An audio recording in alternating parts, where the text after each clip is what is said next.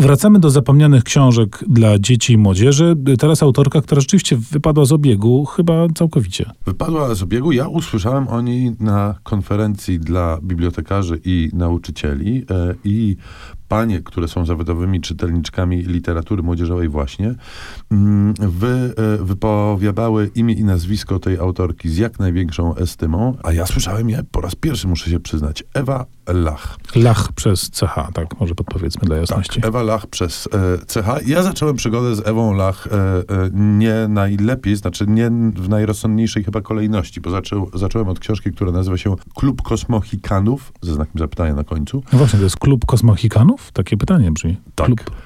A powinno się zacząć od książki e, Kosmochikanie po prostu. e, Bez pytajnika. Bez pytajnika, która opowiada o wakacyjnych przygodach rodzeństwa bożeńskich. Nie wiem tak naprawdę, mi się momentami to e, kojarzyło trochę z Niziurskim, momentami To najwyższy trochę z, komplement może być. Musierowicz.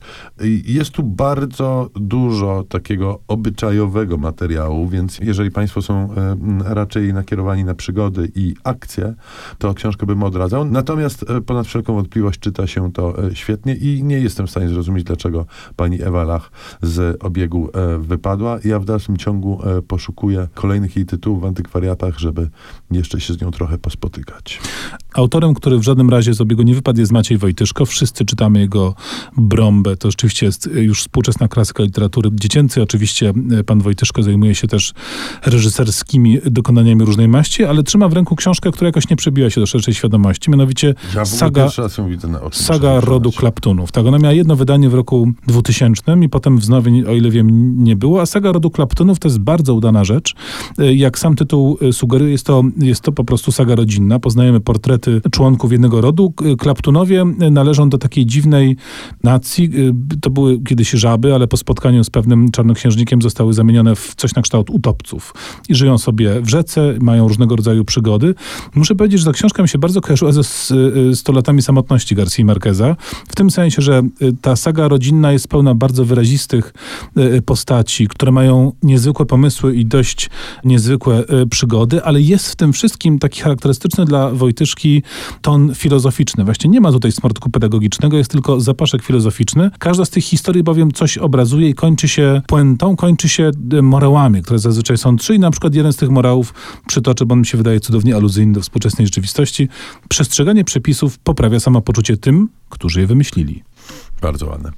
E, I na koniec mamy klasyka e, ponad wszelką wątpliwość. Stanisław Pagaczewski to e, autor książek dla dzieci, które były poczytne, są poczytne i pewnie jak długo Kraków stoi, tak długo będą czytane. Chodzi oczywiście o cykl o Baltazarze Gąbce. Natomiast- Klasyka wybitna i w ogóle. Natomiast to nie jedyna książka dla młodzieży napisana przez tego autora. On ich napisał całkiem sporo i ja ostatnio zupełnie przez przypadek natrafiłem na pozycję, która nazywa się Szkoła bez dzwonka Stanisława Pagaczewskiego.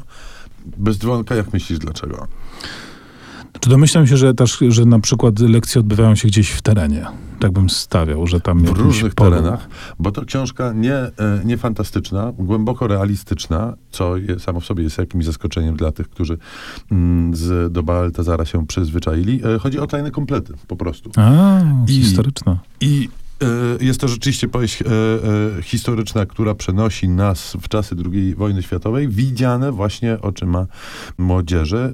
E, róż, różne momenty, bo tam e, rzeczywiście chodzimy na tajne komplety, w pewnym momencie przenosimy się też na halę tatrzańską, by wraz z nastoletnimi bohaterami e, dowiedzieć się o wybuchu II wojny światowej. E, są tu też ucieczki, aresztowania, gestapo, wszystko to, co się w, trakcie II wojny działo i, i towarzyszyć mogło. Jednym słowem trzeba grzebać po antykwariatach i po półkach w bibliotekach, bo tam różnego rodzaju skarby są.